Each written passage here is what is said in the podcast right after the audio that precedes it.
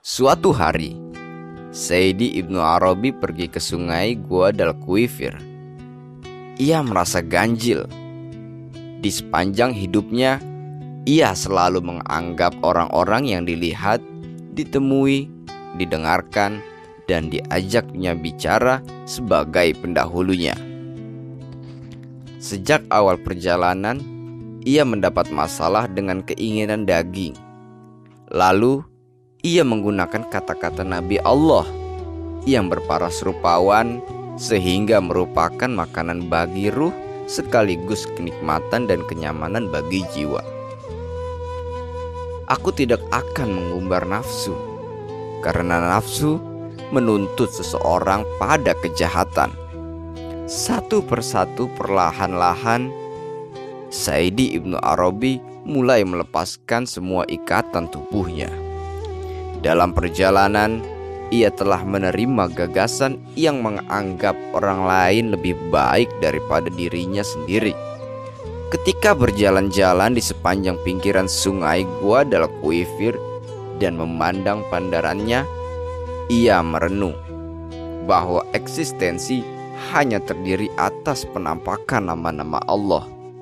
Mendadak, ia melihat cahaya Cahaya itu muncul ketika ia sedang memikirkan bahwa di dalam setiap momen kehidupan sesuatu disegarkan kembali, digantikan, atau diperbarui.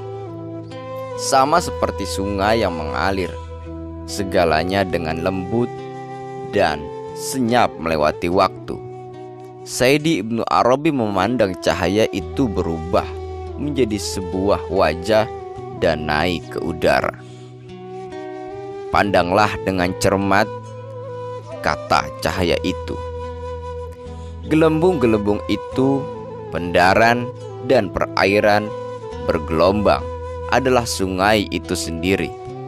Tetapi ketika seseorang memandang mereka tampak berbeda seluruhnya. Terkadang angin bertiup di atas air mengguncangkannya. Pendaran berkedip-kedip muncul lalu menghilang sesuai cahaya matahari. Kau bisa membandingkan sungai itu, sebuah metafora kehidupan, dengan perwujudan kehidupan duniawi. Makhluk-makhluk datang ke dunia ini memantulkan nama-nama Allah seperti cermin, muncul lalu menghilang. Kehidupan serupa kilatan petir, muncul dan berakhir dalam sekejap. Di balik kefanaan ada percik nama Allah yang bersinar seperti matahari. Kau harus memandangnya. Kau harus memalingkan wajahmu pada cahaya itu. Ketika berjalan di sepanjang bantaran sungai, Saidi Ibnu Arabi memerhatikan pohon wiping willow tua yang menggembung oleh air. Ia sudah mulai berjalan menghampirinya, melangkah melintasi kerikil-kerikil di pinggir sungai. Ketika melihat seseorang lelaki berkulit hitam sedang meneguk anggur dari kendi tanah liat sambil bergurau tanpa kenal malu dengan seorang pelacur. Saidi Ibnu Arabi berhenti berjalan, lalu mengamati mereka.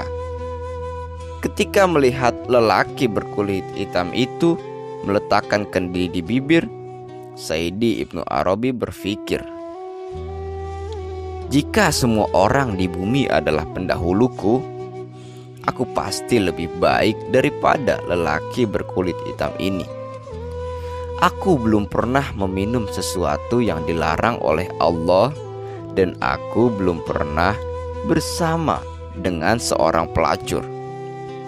Suara teriakan membuyarkan konsentrasi Sayyidi Ibnu Arabi. Sebuah perahu dayung tenggelam di sungai, dan mereka yang berada di atasnya berteriak meminta tolong. Lelaki berkulit hitam itu terjun ke dalam air, menyelamatkan empat dari lima penumpang perahu. Lalu ia berpaling dan berteriak kepada Sayyidi Ibnu Arabi yang sedang berdiri kebingungan dan tak berdaya di tepi. Jika kau adalah pendahuluku, selamatkanlah sendiri orang terakhir.